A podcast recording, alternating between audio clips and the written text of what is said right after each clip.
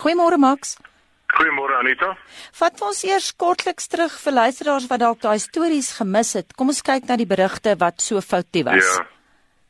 Ja, dit is dit is die begin van die einde van een van die akligste, mees tragiese hoofstukke in journalistiek in Suid-Afrika.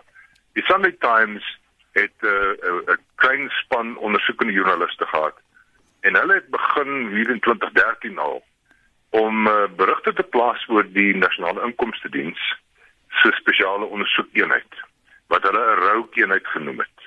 En hulle het week na week vir maande die mees fantastiese stories oor hulle geskryf dat hulle bordele bedryf het, dat hulle op Zuma gespioneer het, dat hulle geld gesteel het, al sulke goed. Ehm um, en dit was alles onwaar.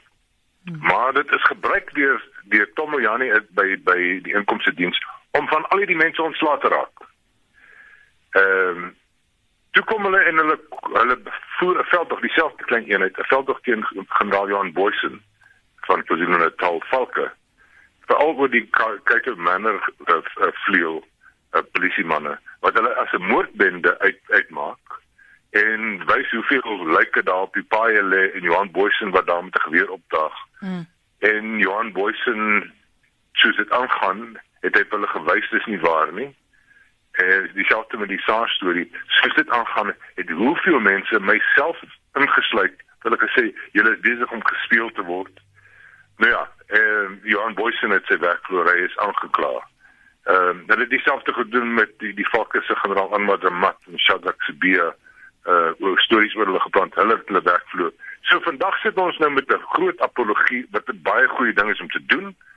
Uh die nuwe redakteur was nie verantwoordelik daarvan nie. Sy naam is ehm uh, Dongani Chitoko. Hy het na die tyd ingekom en dit is 'n behoorlike uh, apologie. Uh dit is 'n behoorlike apologie in die sin van hulle die die mens die skrywers is nou uh, afgedank hmm. en hulle gee die prysgeld terug en die die goed wat hulle gekry het vir vir die stories. Maar daar is 'n tiental mense se lewens verwoes. Johan van Lochenberg, Ivan Pillay, Pieter Richard, Adrian Lekay, Shadrack Sibia, Anna Dramat, Johan Boysen en nog. En dit is skrille toes vir hulle dat hulle nou apologie kry. Maak so kon die joernaliste daai pot so missit. Dit is die groot vraag. Kyk, wat ons weet met die met met die Kate Manor stories en met die SARS stories, dat dit uh, waarskynlik uh, agente was van misdaadintelligensie van generaal uh, Richard Ndluli wat hierdie goed op hulle gaan plaas het.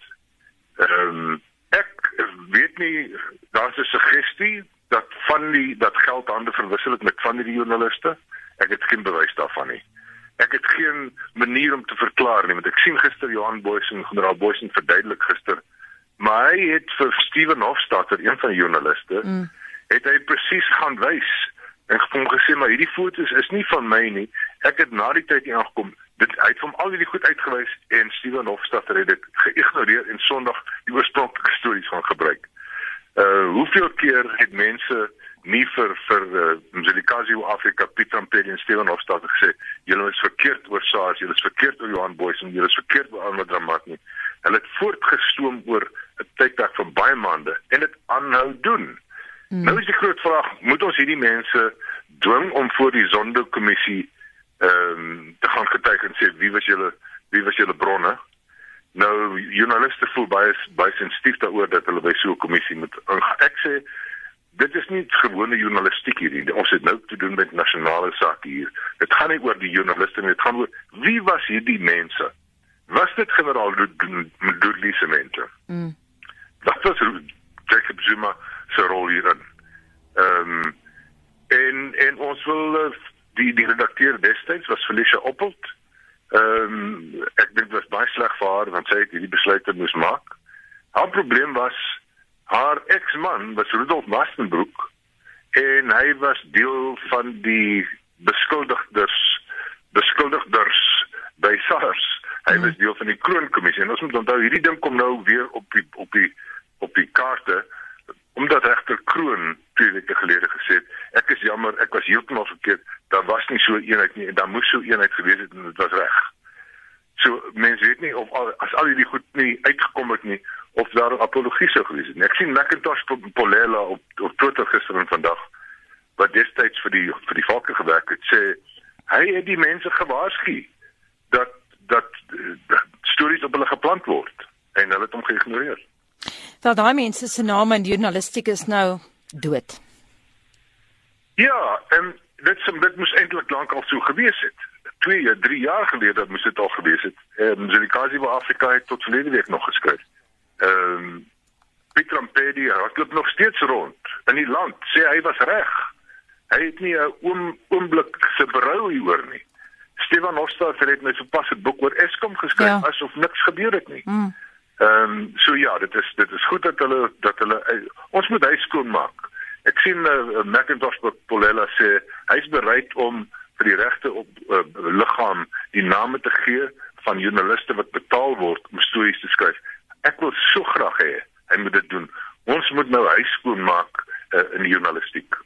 Net vinnig Max, uh, jy sê reg dat mense het hulle werk verloor. Jy noem 'n rits name daar, almal mense wat ons ken as gevolg van hierdie beriggewing het hulle werk verloor. Jy het ook vroeër gesê dis goed dat die nuwe redakteur sê hy's jammer, mense aanvaar die verskoning, maar is daai verskoning voldoende?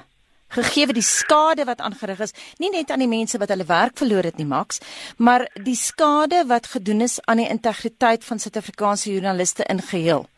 Ja. Ja, ek geen geen skoning kan dit ooit ongedaan maak nie. Ek probeer my maar in die skoene staan sit van van van eh uh, uh, Bongani Sitoko uh, wat meer kan hy doen? Dit is sy tweede apologie. Sy eerste een van 'n paar weke gelede was nie goed genoeg nie. Ehm um, ja, ek weet nie wat hy meer kan doen nie, maar nee, die die die uh, apologie kan nooit die skade aan die journalistiek en aan die mense se lewens en aan die verloop van sake in die land uh, as dit nie vir hulle was nie, het die die, die inkomste diens nooit uh, neem gestort nie. Was Angwa Dramat vandag nog deel hoof van die van die van die valke? Dan sou ons die land sou heeltemal anders gelyk het as dit nie was vir hierdie kamp skelms by Sunday Times nie.